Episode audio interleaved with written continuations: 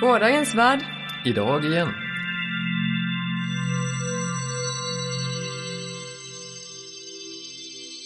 Välkommen hem till oss för ett nytt avsnitt av eh, Gårdagens värld idag igen. Eh, vi som pratar är som vanligt eh, Ante och Åka. Det är vi det. Och eh, idag har vi eh, ett eh, fullmatat avsnitt. Mm, och vilket är det? det är, vilk- 25. 25 är det, just det. En eh, jämn kvadrat. Eh, är det? Jaha, ja, ja visst det är en 5 jämn kvadrat. gånger 5 är 25. Ja, det är sant. En jämn kvadrat. Välkommen till den jämna kvadraten. Ja, eh, I det här avsnittet kommer vi att prata dels om Clive Barker. Mm. Hans eh, skrivande och eventuella avtryck i filmhistorien. Och sen ska vi prata om eh, civilisation och kultur. Djupa saker. Mm. Och eh, sen blir det en djupdykning. Hämningslös djupdykning Mhm. i västernfilm igen. Och den här Mm. gången är det som förra gången när vi pratade om True Grit. Mhm. På samma sätt så kommer vi att titta på en film och en remake. Det är eh, 2000-tal och 50-tal. Som förra gången. Mm. 310 to Yuma Mm. pratar vi om. Mästerlig film, precis som förra gången. Och eh, den som eventuellt inte har sett filmen, och, eller någon av dem, Mm. och, och inte vill höra allt om den innan, behöver ju inte lyssna på den delen då av avsnittet tänker vi, utan då kan man stänga av när vi kommer dit fram. Mm. Eller helt enkelt bara nu innan man lyssnar vidare på avsnittet rusa iväg och titta på eh, 310 to Yuma. Mm. Utmärkt film. Ja, kan passa på, man kan passa på att se True Grit när man ändå håller på. Också en utmärkt film. Mm. Men eh, innan vi kör igång med det så tänkte jag bara nämna att vi har fått ett par kommentarer. Mm. Inte så mycket den här gången, men eh, det är ändå roligt. Vi fick en kommentar av en som kallar sig för The Big Lost. Som eh, presenterar sig som en trogen lyssnare, vilket jag tycker är väldigt roligt. Vi Mm. har några stycken trogna lyssnare, det känns bra. Mm. Sånt tycker vi om. Ni, ni som är, ja, ni är väldigt tacksamma för att Ja. det finns. Ja, det är ju mera värt att göra det här om det är någon som lyssnar. Sen eh, var det ju så att jag var med i Kulturradions science fiction special som Mhm. gjordes i samband med eh, Star Wars-premiären. Mhm. Och eh, jag vet inte om det är bra eller dåligt, eh, det kan vi låta vara osagt. Men eh, det finns i alla fall tre program som ligger ute och en person har hört mig i där och börjat lyssna på vår podd. Det var Mm. också lite roligt. Mm. Men det, så är det. Nu, eh, nu är vi kulturpersonligheter på mer än ett vis. Eller åtminstone en del av oss då. Vi är superduper kulturella. Mhm. Ja, ja, men eh, då kör vi igång då. Yes. Jag vet att du gillar Clive Barker jättemycket, men jag har faktiskt väldigt dålig koll på Clive Barker. Eh, det är en massa tjocka böcker som står i en bokhylla.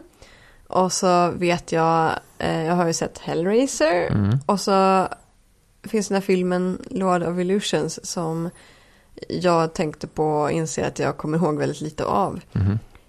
Men eh, Clive Barker har väl gjort sina avtryck. Kan inte du berätta lite grann vad, vad grejen är med Clive Barker? Mm. Ja, han eh, dök ju upp som någon sorts så här nya skräckkungen. Eh, alla hade läst Stephen King och så dök han upp på, på i branschen och släppte de här Books of Blood som alla blev imponerade av och så tyckte alla åh detta är liksom skräckens framtid. Books of Blood, vad är det för något? Det var alltså en, en samling noveller. Jag tror det är tre, jag tror de är utgivna i tre volymer. Eh, Jag är faktiskt lite dålig koll på, på de här utgåvorna. Jag vet att flera av Books of Blood-novellerna har getts ut på svenska faktiskt. Och sen är det som du säger, folk känner ju till Hellraiser. Den filmen är ju, ja det har ju blivit en, en populärkulturell ikon kan man säga. Framförallt den här figuren Pinhead då, en av de här demonerna i filmen. Mm.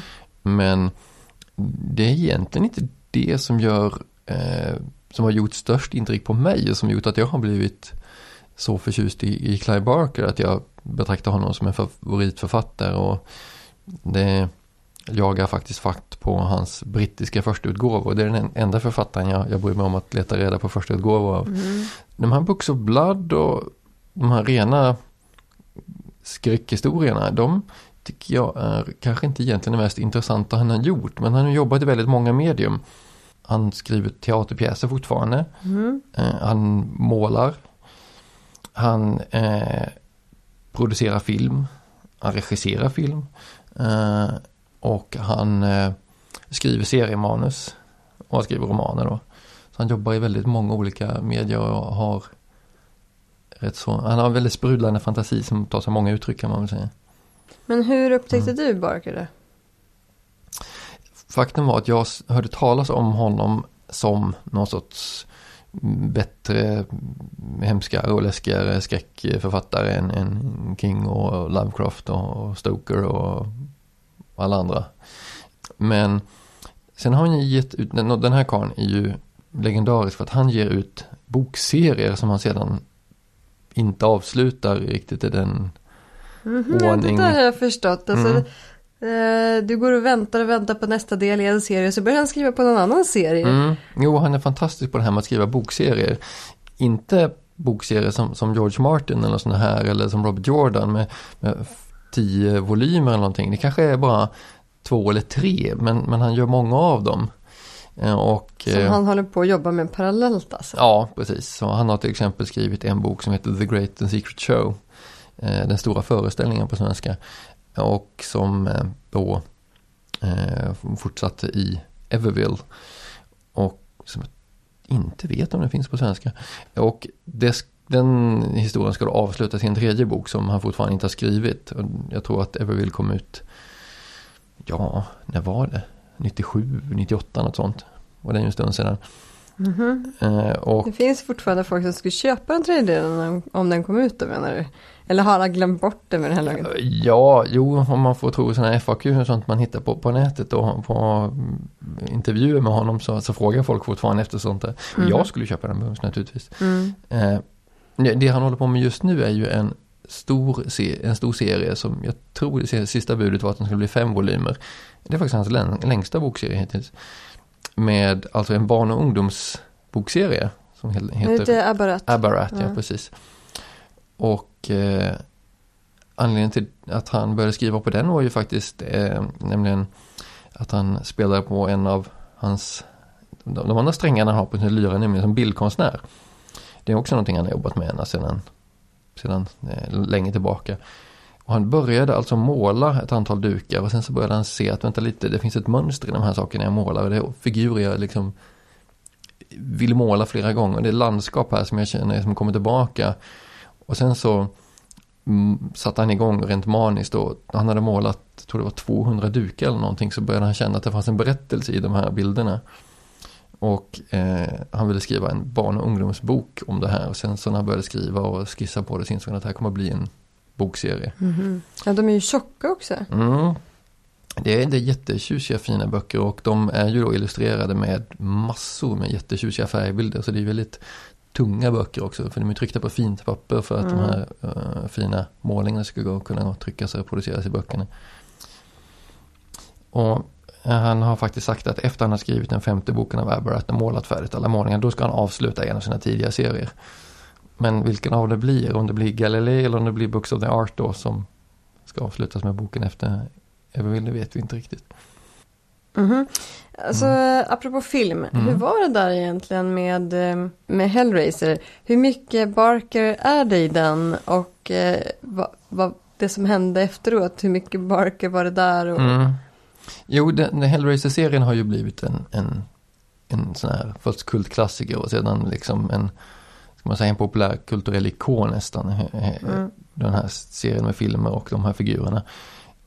Första filmen gjordes alltså på en ganska begränsad budget av Barker själv. Han regisserade, skrev filmen, regisserade den. Mhm. Eh, jag tror att han faktiskt producerar den själv också. Eh, senare filmer i serien, jag tror att jag har hört rykten om att det ska finnas en upp till nio filmer. Har väl marginellt med honom att göra. Jag tror att han är executive producer på typ tvåan och trean möjligtvis. Eller om det bara är tvåan faktiskt. Eh, jag har ju sett Ja, tre filmer jag vet i alla fall att jag har sett. Och ärligt talat så, första filmen var ju banbrytande på sin tid, för den gjorde saker som inte gjorts förut och sådär. Men jag kan inte säga att jag är någon Hellraiser-fan egentligen. Det kan jag inte säga. Egentligen så kommer ju så här filmen äh, Hellraiser från en, en äh, liten novell han skrev då. Mm -hmm. Det är väl, tror den faktiskt finns för mig i de här Books of Blood. Som man sen expanderade till, till en, en film. Sen har han väldigt mycket, han, har, han skriver, alla sina berättelser har han liksom en väldigt rikt universum liksom. Han, jag tror ett starkt tema ja, i alla hans böcker är det här med att det finns en värld som vi inte ser. Att det försiggår så väldigt mycket mer i världen om man liksom, liksom, har blicken riktad åt det hållet. Och det gör ju att även små korta historier av honom har liksom en, en det finns liksom massor med antydda saker där som man kan spinna ut och göra stora grejer av. Så även, en, även om det bara är en liten novell så kan man göra en film av det. Eller till två eller så. Ja, men jag vet inte, jag tyckte jag hörde någonting om att eh, Clay Barker hade försökt att eh, liksom få ett avslut på det här med Hellraiser och så. Jo, eh, jag har, jag har läst, eh, läst några intervjuer med honom och lyssnat på några intervjuer med honom och eh, nu så känner han väl kanske att han vill ta tillbaka eh, Pinhead mm -hmm. och avsluta det där en smula. Han har ju kommit ut med en roman som heter The Scarlet Gospels. Mm. Där han då skriver igen i romanformat om, om Pinhead. Får se om det blir spiken i kistan eller vad det blir för, för den saken. Men det är i alla fall en fristående roman än så länge. Mm. Men jag vet inte om det kommer att ha något inflytande på Eh, filmerna eller de människor som har intryck av filmerna. Om de kommer bry sig om romanen eller? Mm. Eh, jag vet inte riktigt hur, hur det ligger till rättighetsmässigt det där med vem som får göra filmer och vad man kan göra med figurerna och sånt. Där. Jag har ju förstått att författare som jobbar i Hollywood, de, de det handlar väldigt mycket om att den tar pengarna och ser glad ut liksom. Men han bor ju i Hollywood nu så han, han, och han har ju alltid velat göra film så han har själv sökt sig till det. där miljön faktiskt. Alltså finns det något annat som har blivit känt av det som han har gjort? Förutom det som har blivit film, alltså, som har fått ordentligt genomslag. Hur är det med serierna? Mm, ja, har, han har ju nog blivit känd mm, bland folk som, som känner till horror fiction. Jo, jo. För jo, Books sant. of Blood.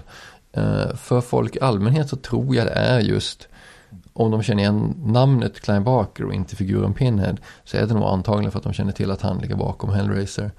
Eh, mycket av de serietidningar som gjorts har, har ju också haft eh, mer eller mindre tydliga kopplingar till, till Hellraiser-serien, alltså eh, serien, filmserien alltså. Så, men eh, som sagt, jag tycker ju att det skulle vara väldigt kul om han blir om han blir eh, efter Abarat blir känd som en stor barnboksförfattare. Det vore ju väldigt spännande. Men är det någonting mer som du tycker att, eh, att jag kanske borde läsa eller kolla upp om jag vill liksom få en, mm. en, ett smakprov av Clive Barker och vad han kan göra? Mm, ja, om man ska läsa Clive Barker och se vad han egentligen gör nu då. Mm, och om man kanske har hört talas om, om Clive Barker, mannen bakom Hellraiser. Mm. Undrar vad, vad, vad skriver han för grejer egentligen? Då skulle jag föreslå att man läser hans bok Weaverworld. Som jag tycker är fullkomligt lysande. Mm, jag tror du har nämnt den i podden tidigare. Jag har nog det ja. Eh, det är alltså återigen hans eh, klassiker här. Att han, han berättar om vår värld fast de där sakerna som vi vanligtvis inte ser. Och i det här fallet är alltså hans take på det här med, med Fairy. Mm. Hur det kommer sig att eh, man hade massvis med berättelser om folk som blev bergtagna och att vara i Fairy en natt och sen kom tillbaka så har det gått tio år och sådana grejer. Alla de där berättelserna.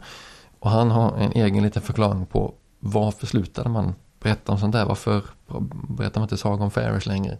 En av de sakerna han, han gör i eh, WeWorld då mm. när han skriver om Fairies är att de här eh, olika varelserna där mm.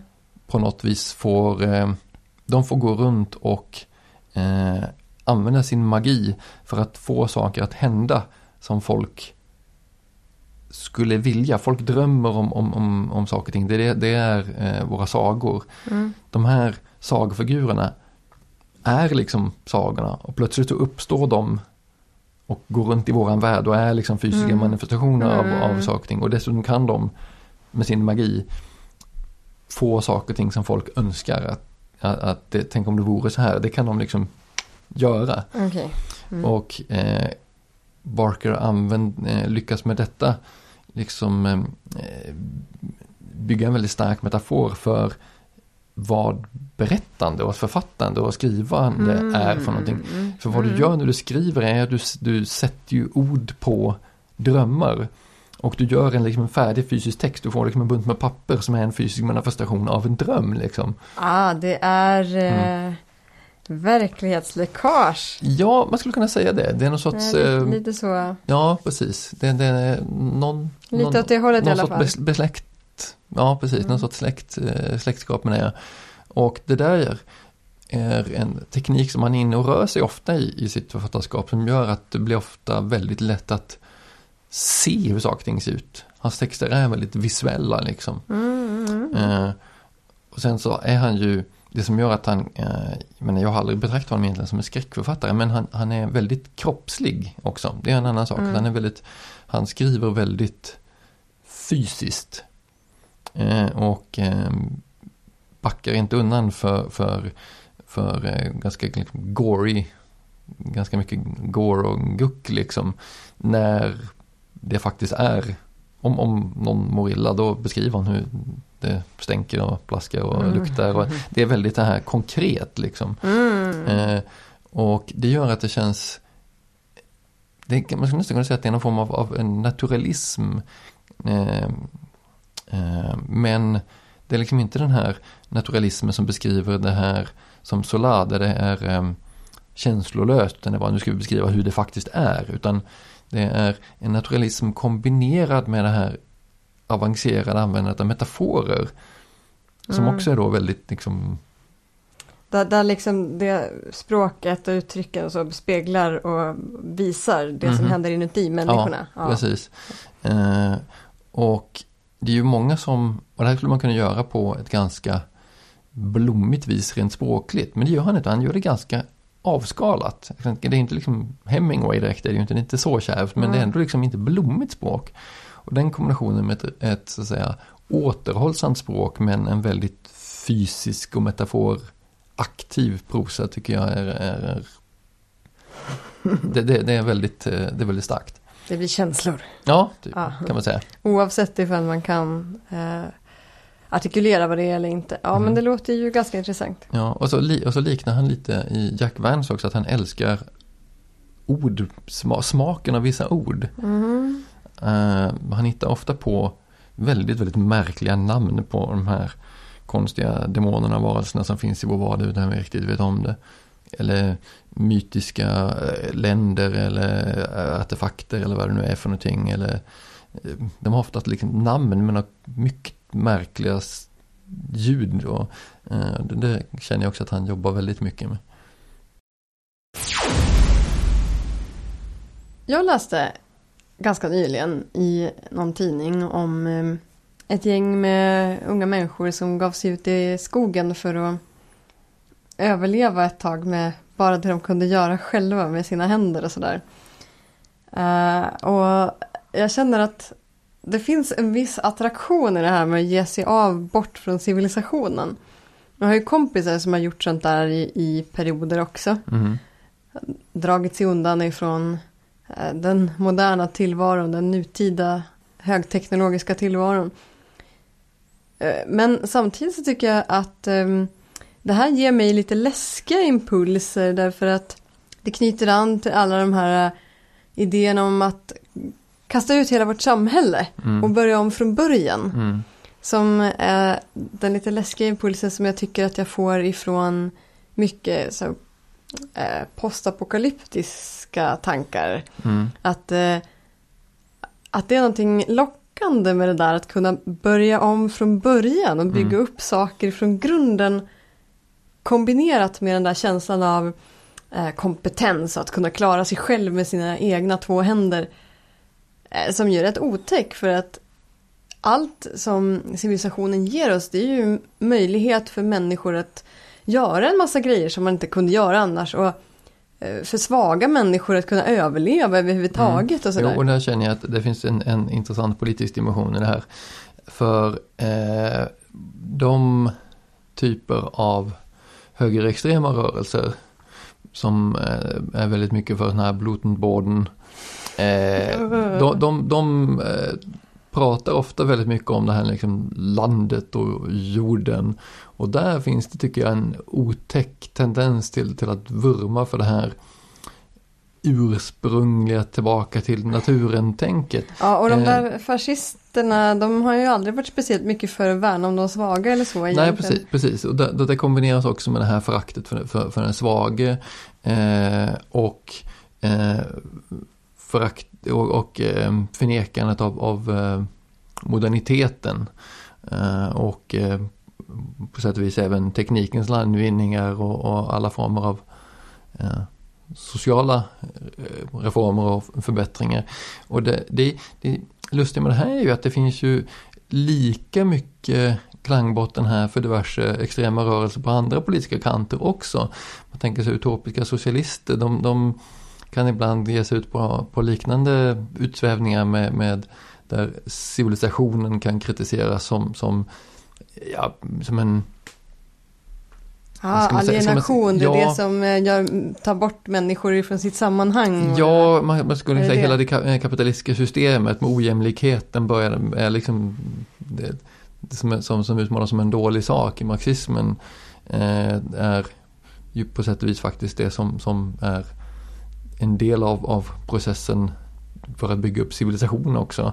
Och, och även om man kanske kan tänka sig en, en bättre civilisation där bortom så är det väldigt lätt att vända på det och, och snarare vara skeptisk emot civilisation och då blir det lite läskigt också tycker jag. Ja, men alltså jag kan tänka att när jag var liten, alltså vi pratar lågstadieålder här, Mm. då var jag väldigt mycket inne på sådana där tankar om att eh, människor nu för tiden Mm. i min samtid är ganska eh, patetiska för vi kan absolut ingenting. Mhm. Eftersom allt är så specialiserat. Mm. Som min mormor kunde. Mhm. Sen kunde jag klara nästan allting och så skulle kunna överleva på en gård och veta allting man skulle göra medan, medan jag och mina syskon eh, knappt, knappt kan laga en strumpa liksom. Mm, jo. jo, den här eh, duglighetsvurmen, Mm. den är ju på sätt och vis ganska tilltalande. Det tänker man ju kanske eh, rätt ofta på i vardagen. När man sitter och glor på en, en, en dator och så tänker man vad skulle hända om, om strömmen försvann. Här skulle jag kunna se till att strömmen återkommer i byggnaden. Om, vad händer eh, om, om det blir strömavbrott i en vecka när jag är hemma? Liksom, kan jag klara av, kan jag fixa mat och vatten och sådana här grejer? Det är kanske därför sådana här saker som, som Heinlein-berättelser Mhm. kan vara tilltalande för att man känner att ja, det kanske finns saker här. Det kanske finns ett värde att vara lite bredare, att inte vara den här moderna fackidioten som civilisationen är ute oss till. Äh, och å andra sidan så vet jag inte det för vi är ju extremt kompetenta i vår högteknologiska omgivning. Himmel vad mycket jag kan. Och vad jag liksom använder mig av specialkunskaper varje dag, hela, hela tiden. För att orientera mig bland massa information och, och göra saker på smarta sätt. Och överhuvudtaget i, i mitt dagliga liv Mm. så eh, finns det ju en helt annan typ av kompetens som man kanske inte tänker på. Mm, mm. Men, eh, men visst, olika människor är olika händiga och så. Och jag, eh, eh, jag tycker jättemycket om människor som kan saker och gör saker. Jag är väldigt imponerad av sånt. Mm. Men eh, det där med Heinlein förresten, det handlar ju ganska mycket om också att eh, eh, att kunna vara kompetent just i, i en teknologisk omgivning. Att kunna Mhm. handskas med de eh, verktyg och kunskaper som, som vi har i framtiden. Mm, mm. Det, det, är ju, det var ju det som attraherade mig, om vi ska snacka Heinlein. Mhm. det som fick mig att börja läsa science fiction då. att jag tyckte om just den där biten. Mhm. Med att det finns äventyr i framtiden Mm. för den som kan eh, handskas med en dator eller, memorera en logaritmtabell eller något sånt där annat Mm. fånigt. Vad det nu vara, det, det Mm. kan ses som en symbol för vilken sorts kompetens Ja, som, var, ja. som helst. Den, den kompetenta barbaren har aldrig charmat dig riktigt. Jo, det var ju det jag sa Ja, från början men- när jag var mm. barn. Ja, ja, ja. ja. Eh, Men, men Inte, inte som litterär grej menar jag. jo då, jag har läst massvis med indianböcker och sånt där och varit väldigt mycket ute efter precis det där. Mm, Okej, så det, det, du har både Heinlein och uh, indianen här så då har du täckt in både tek, Jajamän. teknik, teknik positiva framtidsoptimismen och eh, den kanske lite mer primitivistiska. Ja men det är ju jätteteknik, vad ska man säga, Ehm, man behöver ju vara tekniskt smart för att kunna handskas med, det, med den typen av teknik också. Att kunna, eh, men jag tänk dig en, en eh, stenåldersjägare. Mm. Särskilt någon som är jätteduktig på att framställa typ saker av bara flinta och trä och ben. Mhm. Himmel vilken teknisk kompetens du behöver där. Så det är inte fråga om att vara för eller emot teknik här. Ah, ja, nej det är sant. Eh, utan det är mer liksom en fråga om hur specialiserad ska man vara och eh, vad behöver en, en människa kunna?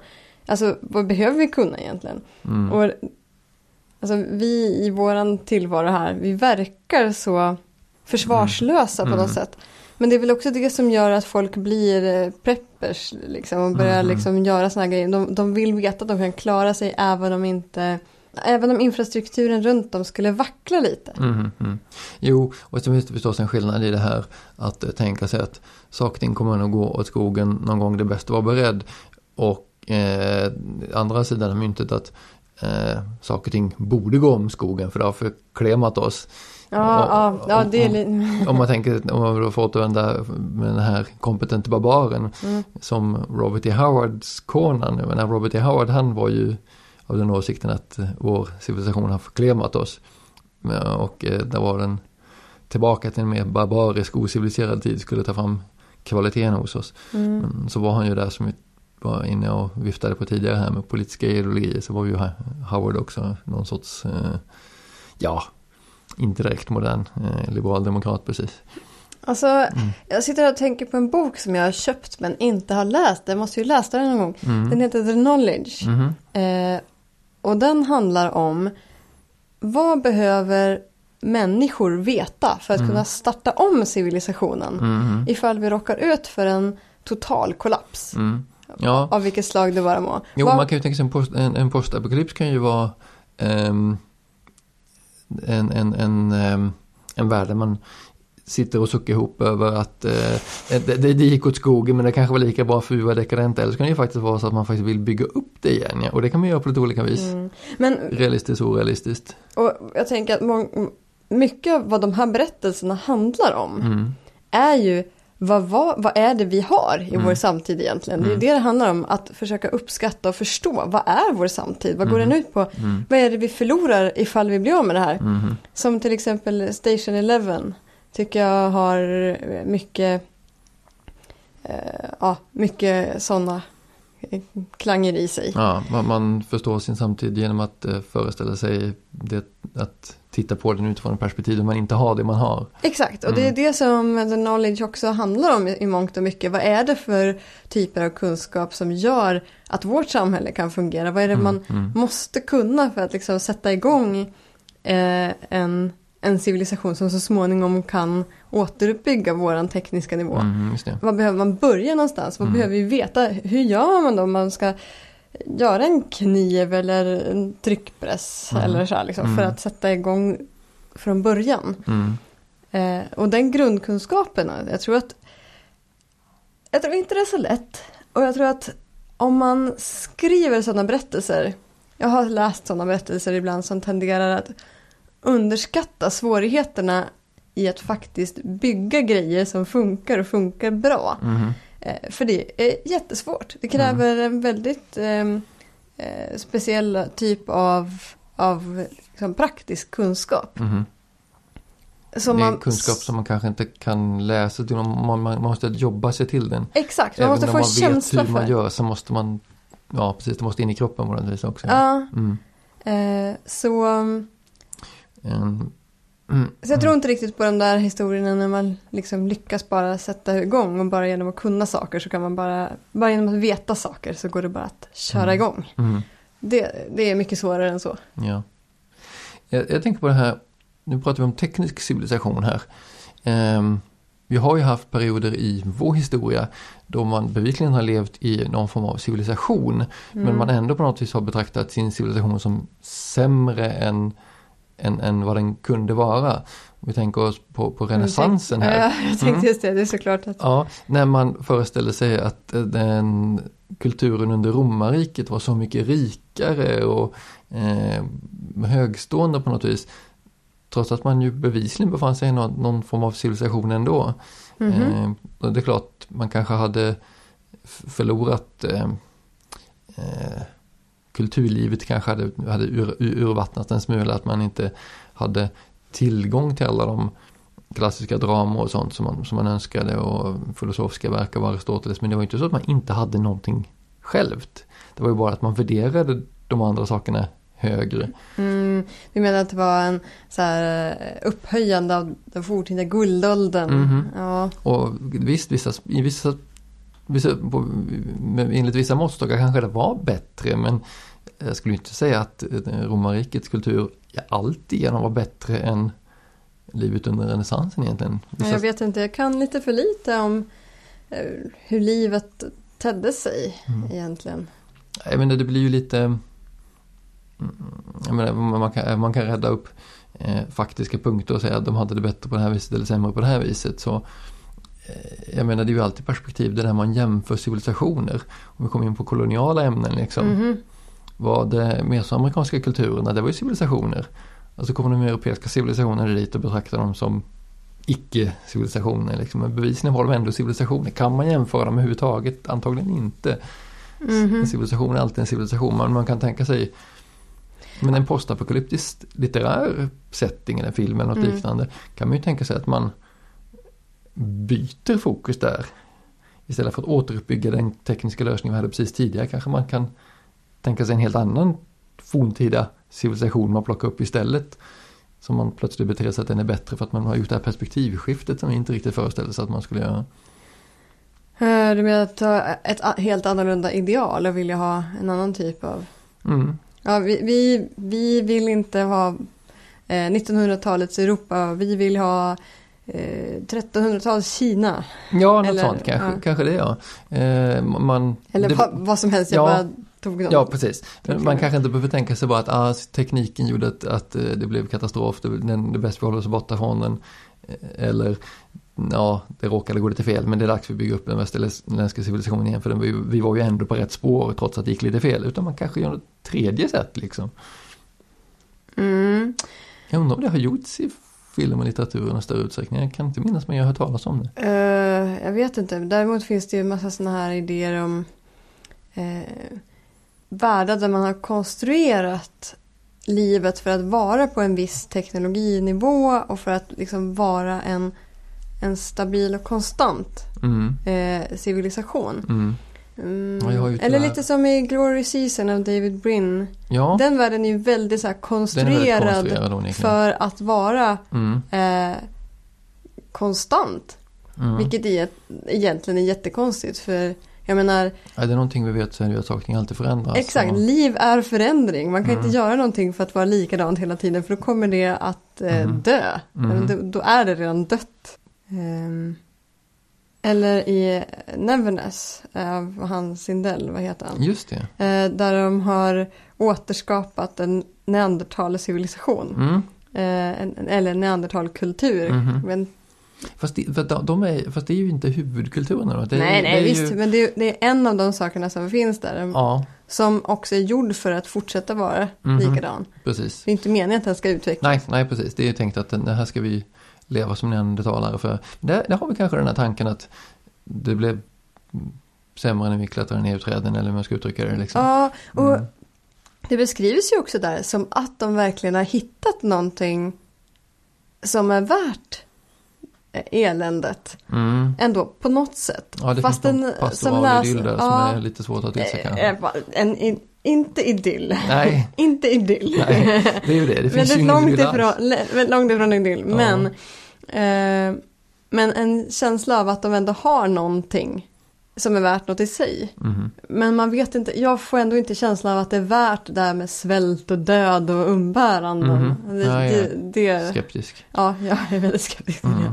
Och speciellt eh, som eh, stora delar av den romanen, som åtminstone som jag minns det, innan eh, sektionerna om neandertalarkulturen handlade så fantastiskt eh, lyriskt och poetiskt om kaffedrickande. Och det skulle man ju sakna i den kulturen. Onekligen.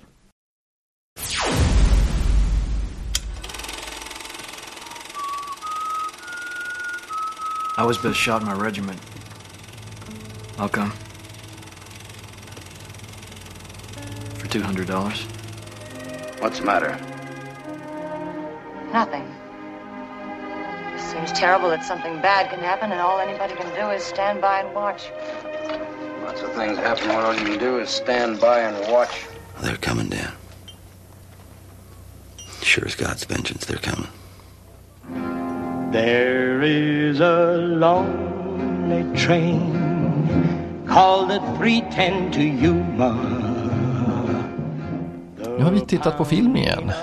Tidigare så har vi tittat, i tidigare avsnitt så har vi pratat om True Grit. Nu är det dags för eh, min favoritgenre westernfilm igen. Eh, den här gången 310 to Yuma. Och eh, det är alltså precis som tidigare en film från 50-talet, 1957. Och sen en remake från 2007. Den här filmen handlar om en eh, skurk som heter Ben Wade. Som är en riktig sån här stor, eh, stor skurk med ett eh, gäng som han leder. Mhm. Och eh, så handlar det om Dan Evans som är en bonde som bara försöker hanka sig fram och är på vippen att eh, gå under med ranch och allt. Som eh, får i uppgift så småningom Mm. att eh, eskortera Ben Wade till, ja när de tar fast honom, att se till att han kommer till fängelset. Just det.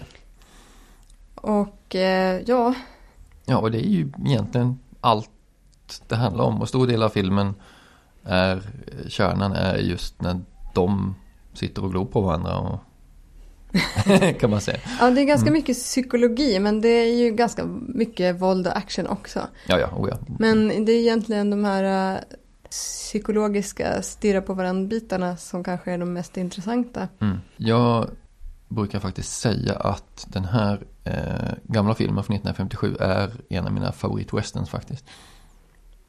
För den renodlar så väldigt mycket av, av eh, vad en western är och framförallt att det är en väldigt, väldigt tight psykologisk film. Mm. Jag tycker vi kanske ska säga om, lite om vad det finns för fler personer i filmen. Mm. För eh, det är lite olika i den äldre och den nyare, Mhm. den gamla och nya versionen. Det är ju det. Eh, I den första filmen så eh, har vi ju eh, Dan Evans och Ben Wade som kärnan. Mm. Eh, sen har vi en del kringpersoner runt då. De har ju sitt lilla följe som, tar, som ska ta Ben till, till, eh, till tåget för att åka till fängelset. Och i den gamla filmen så är det ju Dan och eh, stadens fyllo, Alex Potter. Eh, och sen finns det ju då Ben Wades gäng ledd av en figur som heter Charlie Prince. Och sen har vi den här mm, en lite udda figuren som också följer med som är Mr. Butterfield som är så järnvägsföretagets representant, liksom kapitalet som är, hänger med. Mm, det är ju han som har blivit rånad av Ben Wade så det är ju han som vill sätta dit honom. Och som betalar Dan Evans då, eller erbjuder att betala för att eh, få folk att ställa upp på att hjälpa till med det här. Mhm. För det ska ju sägas att Ben Wade är en riktig storskurk. Det är svårt att övertyga folk att sätta sig upp mot honom och hans gäng för de vet att Mm. de kanske får sätta livet till. Mhm. Bara ryktet om att Ben Wade är i stan gör att folk liksom går åt sidan och sådär. Mm. Sen finns det ju en del kringfigurer också då som en eh, salonflicka, Emmy. Eh, vi har ben, eh, Dans fru, Alice. Och, Och Dans söner. och Dans söner eh, som får mer ty- ty- tydligare roll i den nya filmen.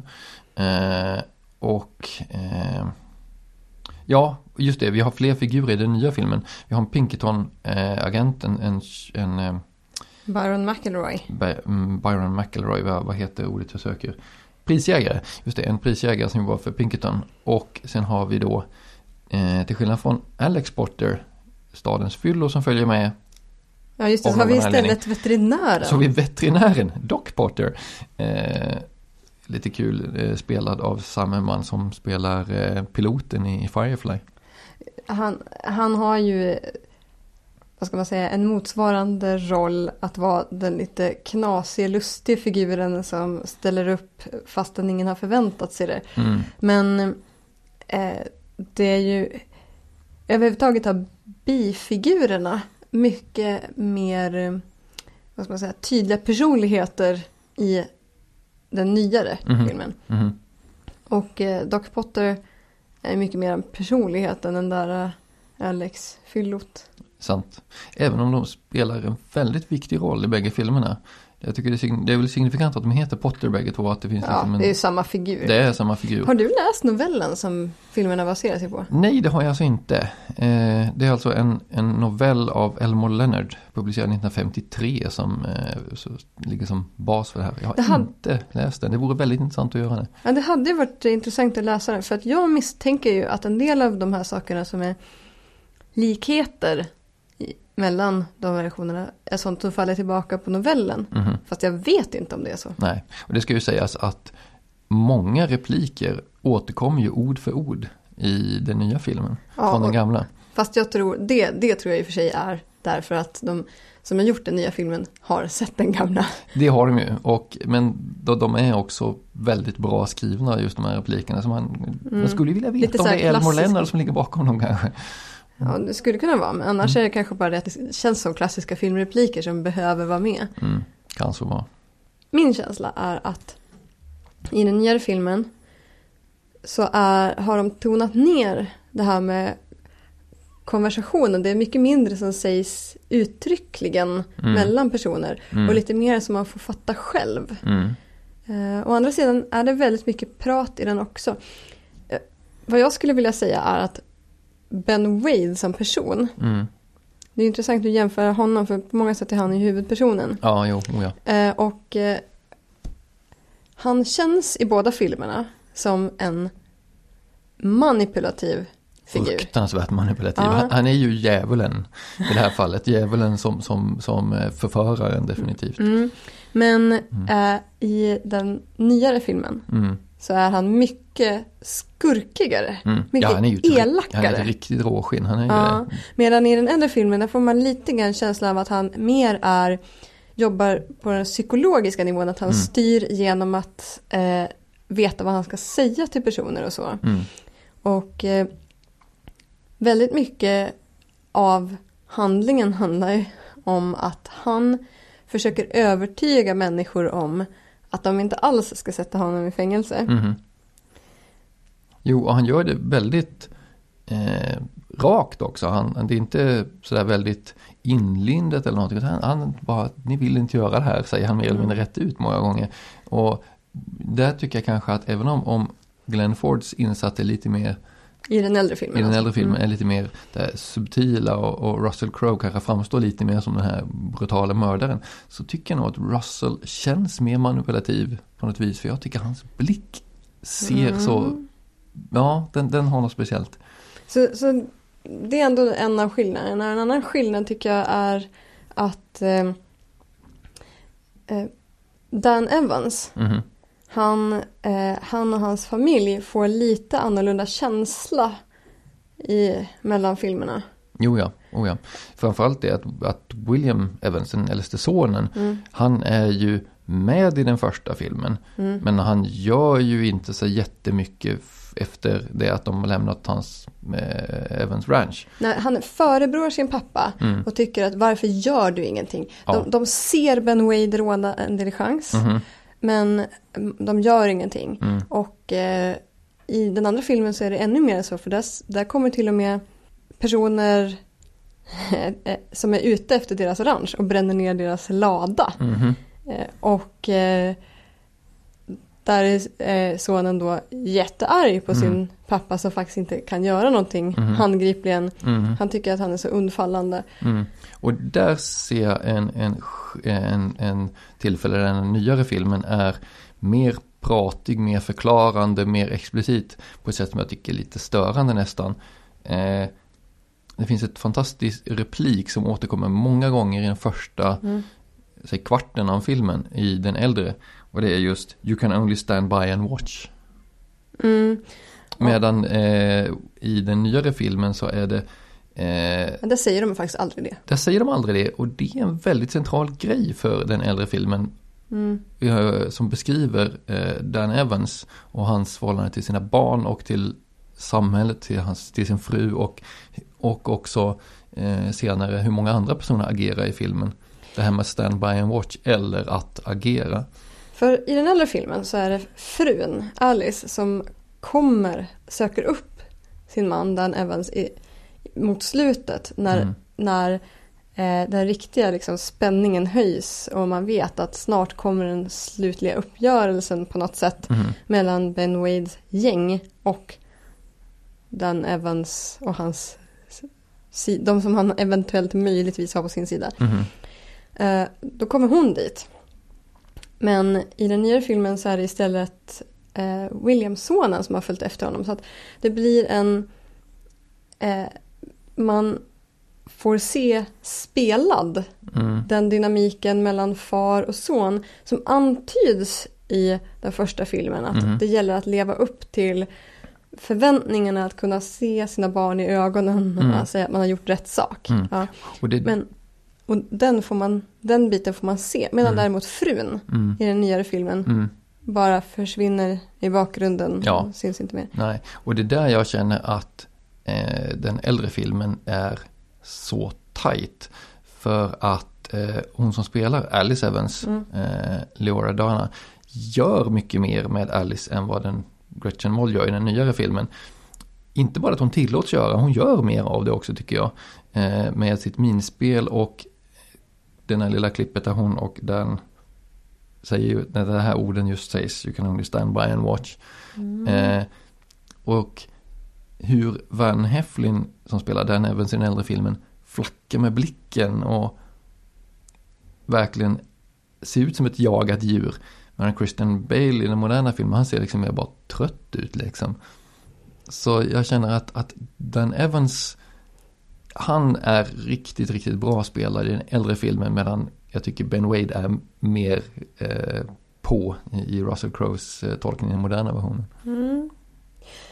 Jag, jag skulle vilja gå in lite grann mer på det där med Ben Wade alltså. Mm. Därför att Det är ju Eh. Ben och Dan den här filmen handlar om. Det är, det är ett kammardrama. De sitter mm, först i Dans, eh, i deras hem. deras hem och, och eh, det konverseras.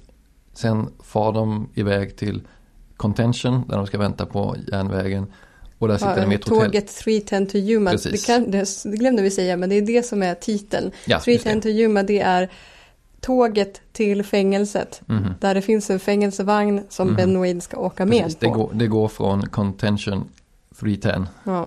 och där sitter de i ett hotellrum och pratar, stirrar på varandra. Och det är de två kammarspelen som man säger som är fokus i filmen skulle jag påstå. ja, det är de som det, eh, och spä- själva spänningen mellan dem utvecklas i. Mhm.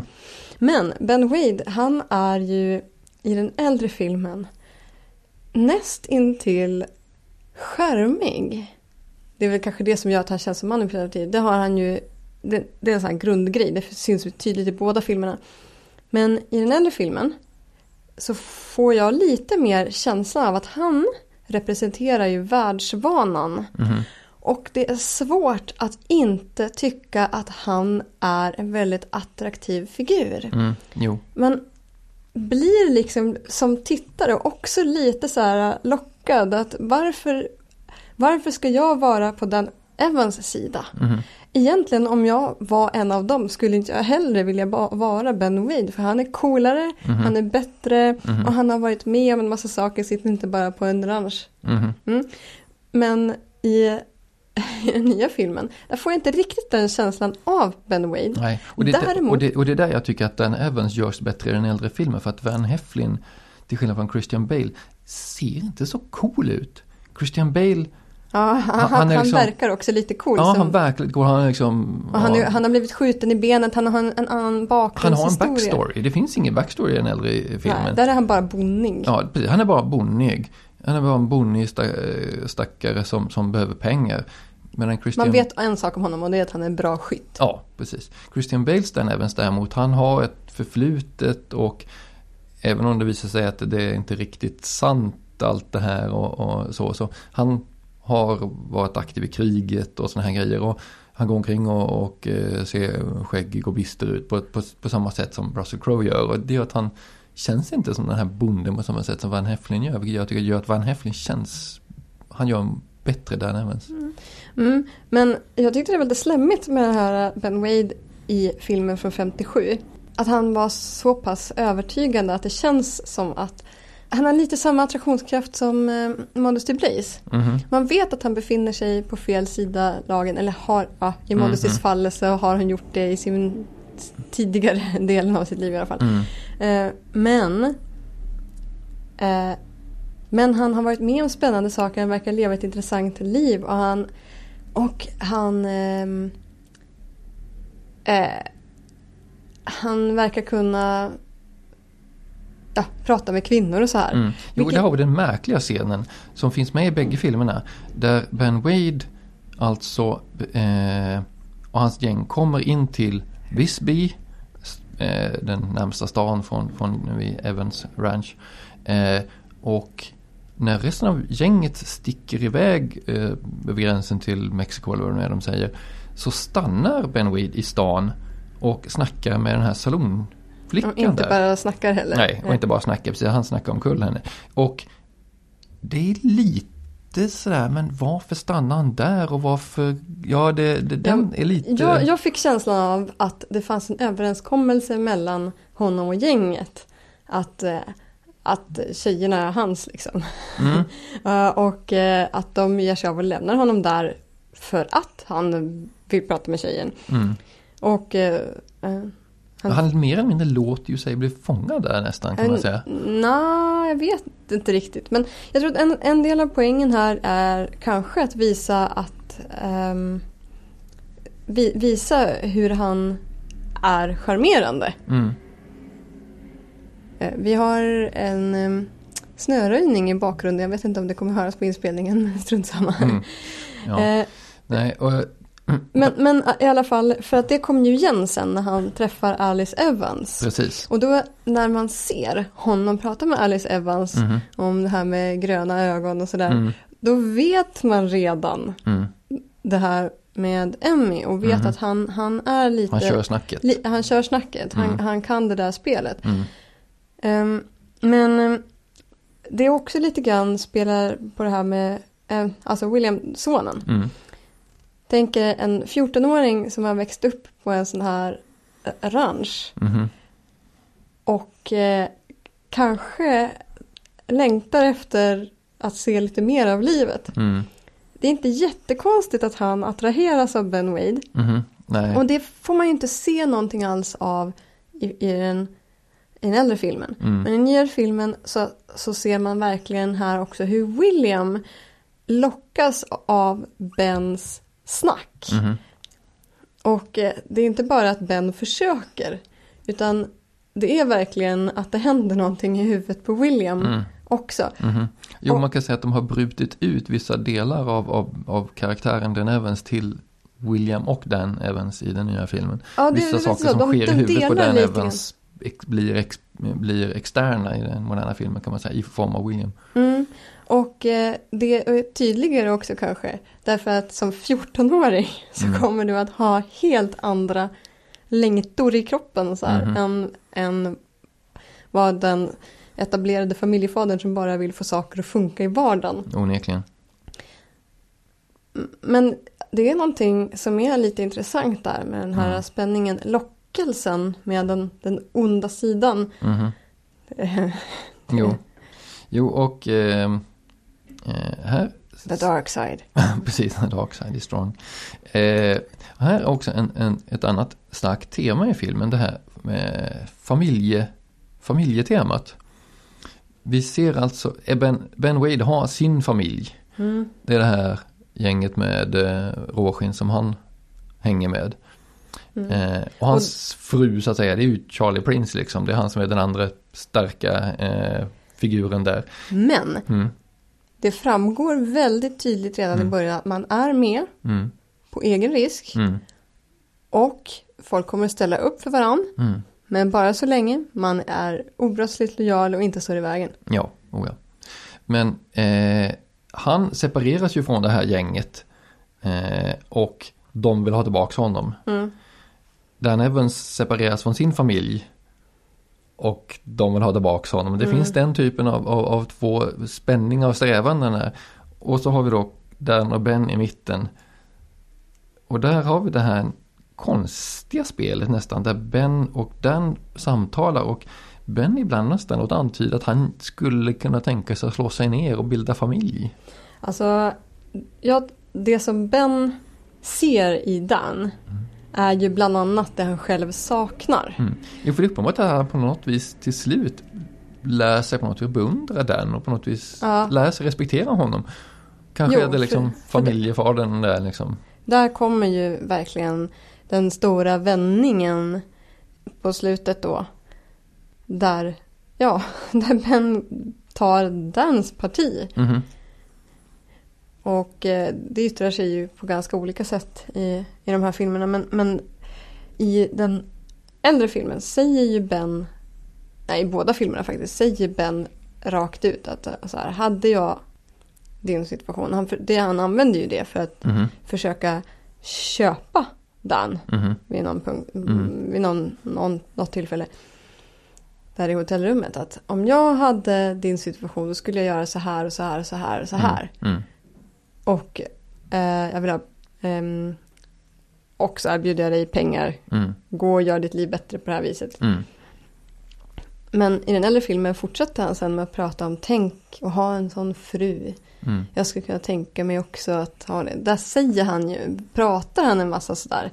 Men det tycker jag också är en sån sak som visas mycket snyggare i den nyare filmen.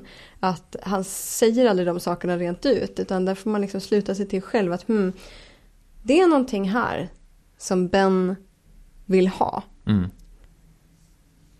Jo, han, han försöker förleda Dan genom att säga att du vill ha mer pengar, du vill ge din familj bla bla bla. Mm. Medan han egentligen säger att, att jag skulle vilja ha det här också. Mhm. Och eh, i den nyare filmen så berättar han även till slut om sin egen mamma. Mhm. Ja, hans, egen, hans mamma förekom, nämns två gånger. Mhm. Eh, Ja, eh, och där fanns ju en liten koppling faktiskt. För den här prisjägaren, Mm. Byron McElroy, Mm. förolämpar hans mor mm, tidigare i filmen. Långt tidigare innan det än Mm. att han berättar historien för Dan. Mm. Och eh, Ben Wade blir rasande på honom. På sitt stillsamma lilla vis. ja, just det. Ja. Eh, det såg jag faktiskt först i andra tittningen av filmen. Att det fanns en koppling mellan de två scenerna. Mm. Alltså överhuvudtaget, jag måste säga våldet. Eh, det är inte bara Ben Wade som är mer våldsam och mer eh, här, utagerande Mm. i den nyare filmen. Utan allt våld är mycket mer synligt. Det Mm. finns mycket mer blod Mhm. och eh, mycket mer slagsmål Mhm. och mycket mer fula, fula grejer. Så eh, på något sätt tror jag att eh, en, en stor skillnad mellan filmerna är att den nyare filmen den har absolut inget romantiskt skimmer kring det här skurkgänget. Nej, oh, Utan nej. de är bara fula råskinn och det syns plågsamt tydligt. Jo, och det, det, det är väl den stora skillnaden eh, i hur Charlie Prince eh, framställs i de två Mm. filmerna. Han som är alltså ledaren. Ledaren för skurkgänget när Skurken. Ben Wade borta. Mm. Eh, där Richard Jekyll eh, spelar en galen psykopat uppenbarligen. Men I den ben, äldre filmen. Ja, men Ben Foster i den moderna rollen spelar en galen psykopat som är inte liksom bara galen psykopat på ett stillsamt vis. Han är en han är, han är skogstokig verkligen. Ja. Mm. Han säger Are Han you some kind of posse? I hate posse. Så, Ja, så han skjuter han ner Han folk. skjuter folk till höger och Ja. vänster liksom, bara för att han kan liksom. Han, han, Han framstår inte som den där återhållsamma kaoset utan han är kaos, rent kaos. Mm. Vilket ju är, det är en, stark tema i, i en, alla westernfilmer, den här konflikten mellan lag och kaos. Och intressant nog är det inte Ben Wade som är kaos egentligen, det är Charlie Prince som är kaos. Han är riktigt vilda. Vem är Ben Wade? Vad är Ben Wade för arketyp egentligen? Ja, alltså jag sa ju det tidigare, han är ju djävulen. Ja, du kanske har rätt i det. det. På något sätt så. Han är djävulen som frestar den gode mannen liksom. Och vad gör den gode mannen när djävulen talar till honom? You just sit there and shut up. You mean we're not together, huh? No, we're not even close. Well, at about five minutes to three, Dan, we're going to be a lot closer than you think. Hmm. Men på något sätt så undermineras ändå den här poängen lite grann i den nyare filmen. Eh, den här poängen att Dan gör det som han ska göra för att han vill göra Vi måste nästan gå in på det. Mm. För att, Jo, och det, och det här jag tycker att förutom att, att den här filmen eh, i den moderna tappningen är våldsammare och brutalare och eh, det finns fler roller som används i mångt och mycket för att bryta ut interna processer i, i Dan Evans så tycker jag originalet är bättre för att jag tycker faktiskt bättre om slutet. Det fanns saker i slutet i det nya som jag gillade faktiskt. Mhm. Jag gillar att eh, när de på väg till tåget, från, från hotellet till tåget. Mm. Det händer ju väldigt mycket där. Mhm. Och det som händer där i den nya filmen är att man ser väldigt tydligt när Ben vänder sig och ställer sig på Dans sida plötsligt. Ja. När hans gäng kommer för att frita honom Mm. så byter han sida. Ja. Och den biten får man se mycket tydligare Mm. i den nyare filmen. Mm. I den gamla filmen kommer den... Det tar typ fem sekunder i den äldre filmen och sen så är det klart. Alltså det, Ja, det, jag går, det går säga- väldigt Nej, Jag hastigt. skulle, jag skulle säga att det, det sker, det är också en process men den syns inte lika Nej, tydligt. den är inte alls lika tydlig. Nej. Och, Den är väldigt subtil men Ja. jag, skulle, jag skulle säga att den finns där. mm, och sen så är det också att ja, Dan Evans dör Mhm. i den nya filmen. Ja. Och eh, det som överlever av honom då är William. Mhm. Som står där och har, liksom, blir den, den som klarar sig. ja. Han blir ju den hjälten. Han blir den, den Dan Evans som Dan Evans är i den äldre filmen kan man ja, säga. Ja, precis. Det är William Ja. som blir det. För Men- i, i den äldre filmen så går Dan med Ben till tåget. Och hoppar ombord på tåget. Ja. Men han går dit Mm. väl medveten om att det kommer bli han, kan, kan bli hans död. Ja. Men han är beredd att göra det i alla fall. För att det, trots att han har suttit och pratat med, med han har suttit och pratat med djävulen, blivit frestad Mm. av djävulen. Och, Och- han vet att han inte har nästan någonting att vinna på Nej. det här. Han Jo. har blivit erbjuden att få de pengar eh, han, eh, från eh, Mr. Butterfield om han lägger ner sitt vapen för Butterfield tycker att du har gjort din, din, din Ja, du grej. har gjort inget, du behöver inte göra mer, du Nej. behöver inte gå ända till tåget. Det som var Du- anledningen du får för betalt att, ja, nu. det som var anledningen för honom att faktiskt göra det som tvingade honom till att ta jobbet, Pengarna. pengarna. Han kan få dem. Men han väljer att trots det så går han till Mm. tåget. Precis, och det är det jag menar att i den nyare filmen, där, där får han ju en annan deal istället. Precis. Gå till tåget också, så ger jag det här till din familj. Mhm. Så att um, den Evans vet att även om han dör på kuppen så kommer han att vinna på det. Mm, precis, Men så i- hans offer är inte riktigt... Nej, det är, det är inget tydligt offer Nej, så. precis. Men där, där, där tror jag jag insåg en sak nu när du sa det här med att Dan Evans had- roll har delats upp på Dan och William i den nya. Eh, det tänkte inte jag på förut, men det är väl så egentligen att på något sätt kanske det är svårt för en nutida filmskapare eller något Mm. att, eh, att ha ett sånt slut som bara är att oj då, allting blev bra. Mm. Eh, eh, utan man kanske måste ha någonting som är lite mer komplicerat. Mhm. Det tar bort lite grann av själva poängen det här med att göra det som är rätt även om man inte har något att vinna på det. Mhm. Det bara därför att kunna se sin son i ögonen. Jo. Men istället, vad vi får istället Istället för en Dan Evans som står i triumf och vinkar ifrån järnvägsvagnen till sin fru som står i regnet och man vet att allting kommer bli fantastiskt. Mm. Så istället så får vi en, en död Dan Evans, en svårt chockade William som ändå klarar sig. Mm. Men som har blivit en... Men som har blivit en man. Han har blivit en man, han, är Ja. man. han har lärt sig upp, eh, respektera sin far. Eh, han har lärt sig en, en, en läxa om, om hur man står emot djävulen. Han har lärt sig vad, vad det innebär att göra de här svåra sakerna. Vilket är den Evans läxa, liksom, eller det som Mm. hur han utvecklar sin äldre filmer. Dessutom vill jag eh, invända lite mot den här beskrivningen. Du säger han, han står på tåget och vinkar och allting blir bra. Mm. Han har vunnit 200 dollar och det regnar. Mm. Men det är också allting. Vad händer nästa år? I Ja. den nya filmen vet han att, att eh, den extrainsatta eh, eh, skurken Hollander som eh, är egentligen den som, som, eh, Ja, den som sätter åt honom är ute efter hans land. som, gör, precis, som gör att han är i behov av pengar.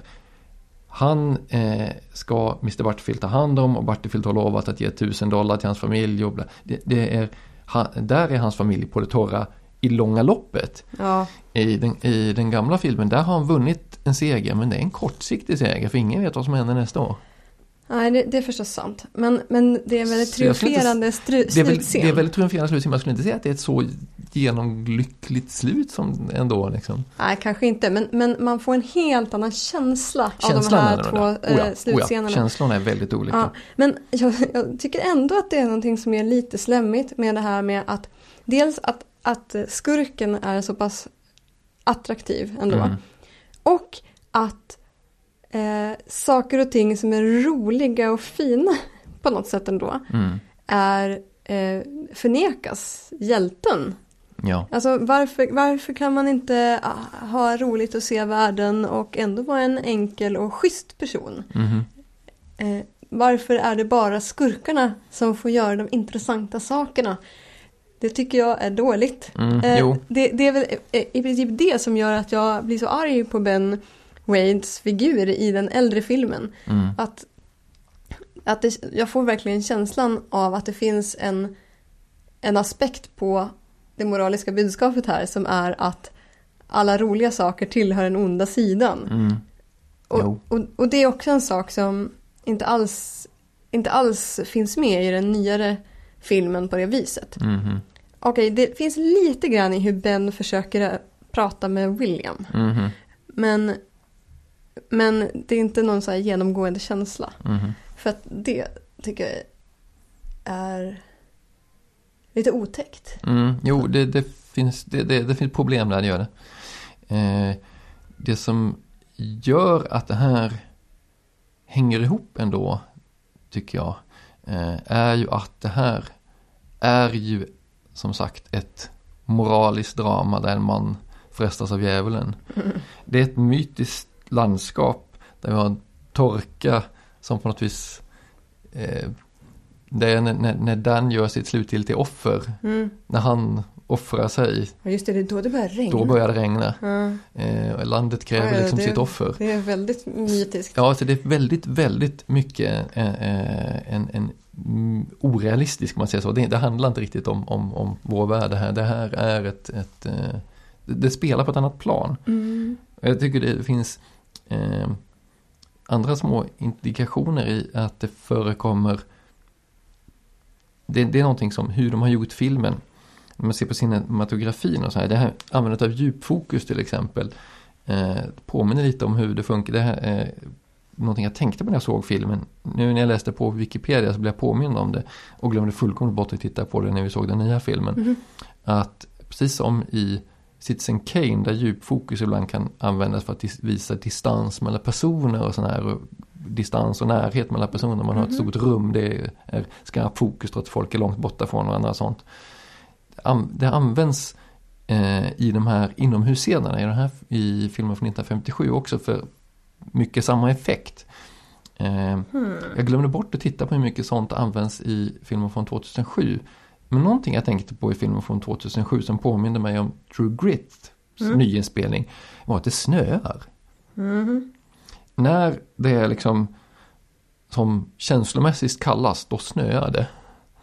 Medan i True, det. ja, medan i True Grit, men i True Grit så är det ju när känslorna liksom blommar liksom när, Mm. när, när, när eh, eh, Rooster Cogburn springer med Matty Mm. i, i snön. Där är det snarast liksom kyla och värme som kontrasteras på det viset. Och i den här filmen så har vi kylan, en emotionell kyla. Det tyckte jag var lite snyggt.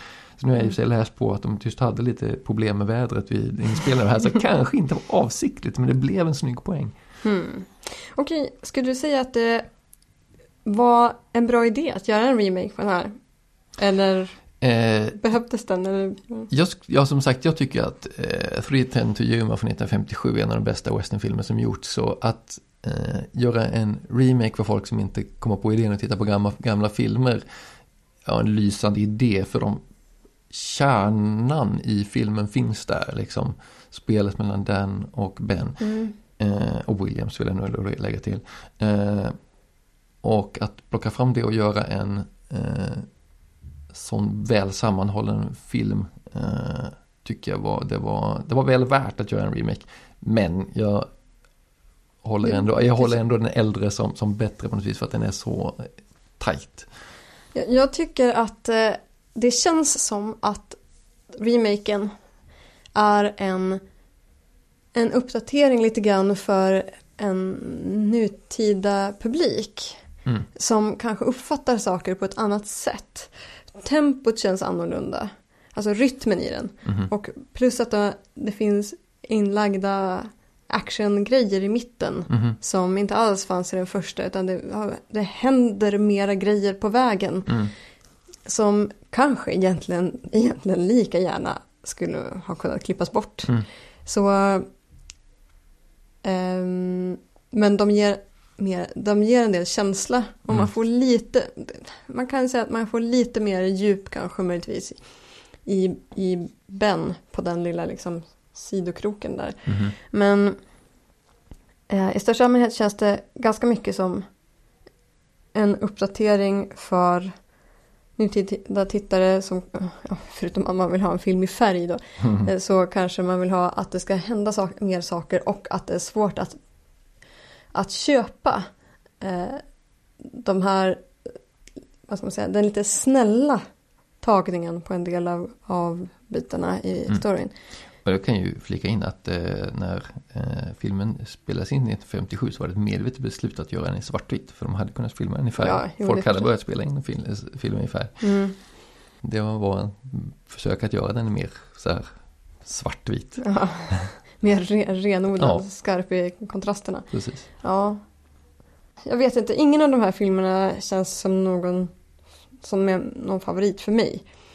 Men om jag skulle rekommendera en av dem och inte bägge.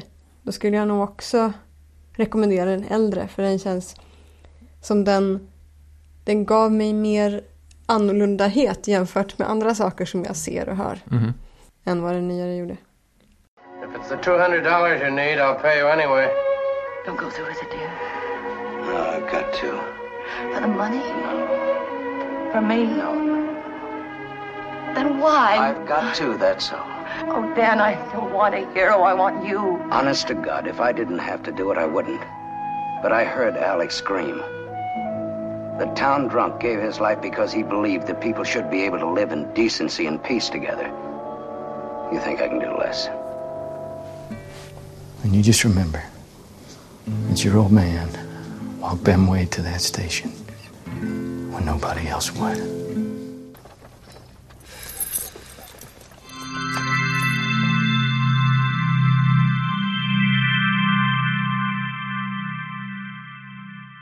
Du har hört avsnitt 25 av Gårdagens värld idag igen. En ljudkapsel av Ante och Åka Davor.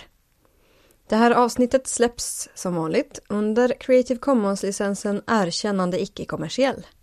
Alla tidigare avsnitt och eh, fina kommentarsfält som man kan använda finns på bloggen anien.wordpress.com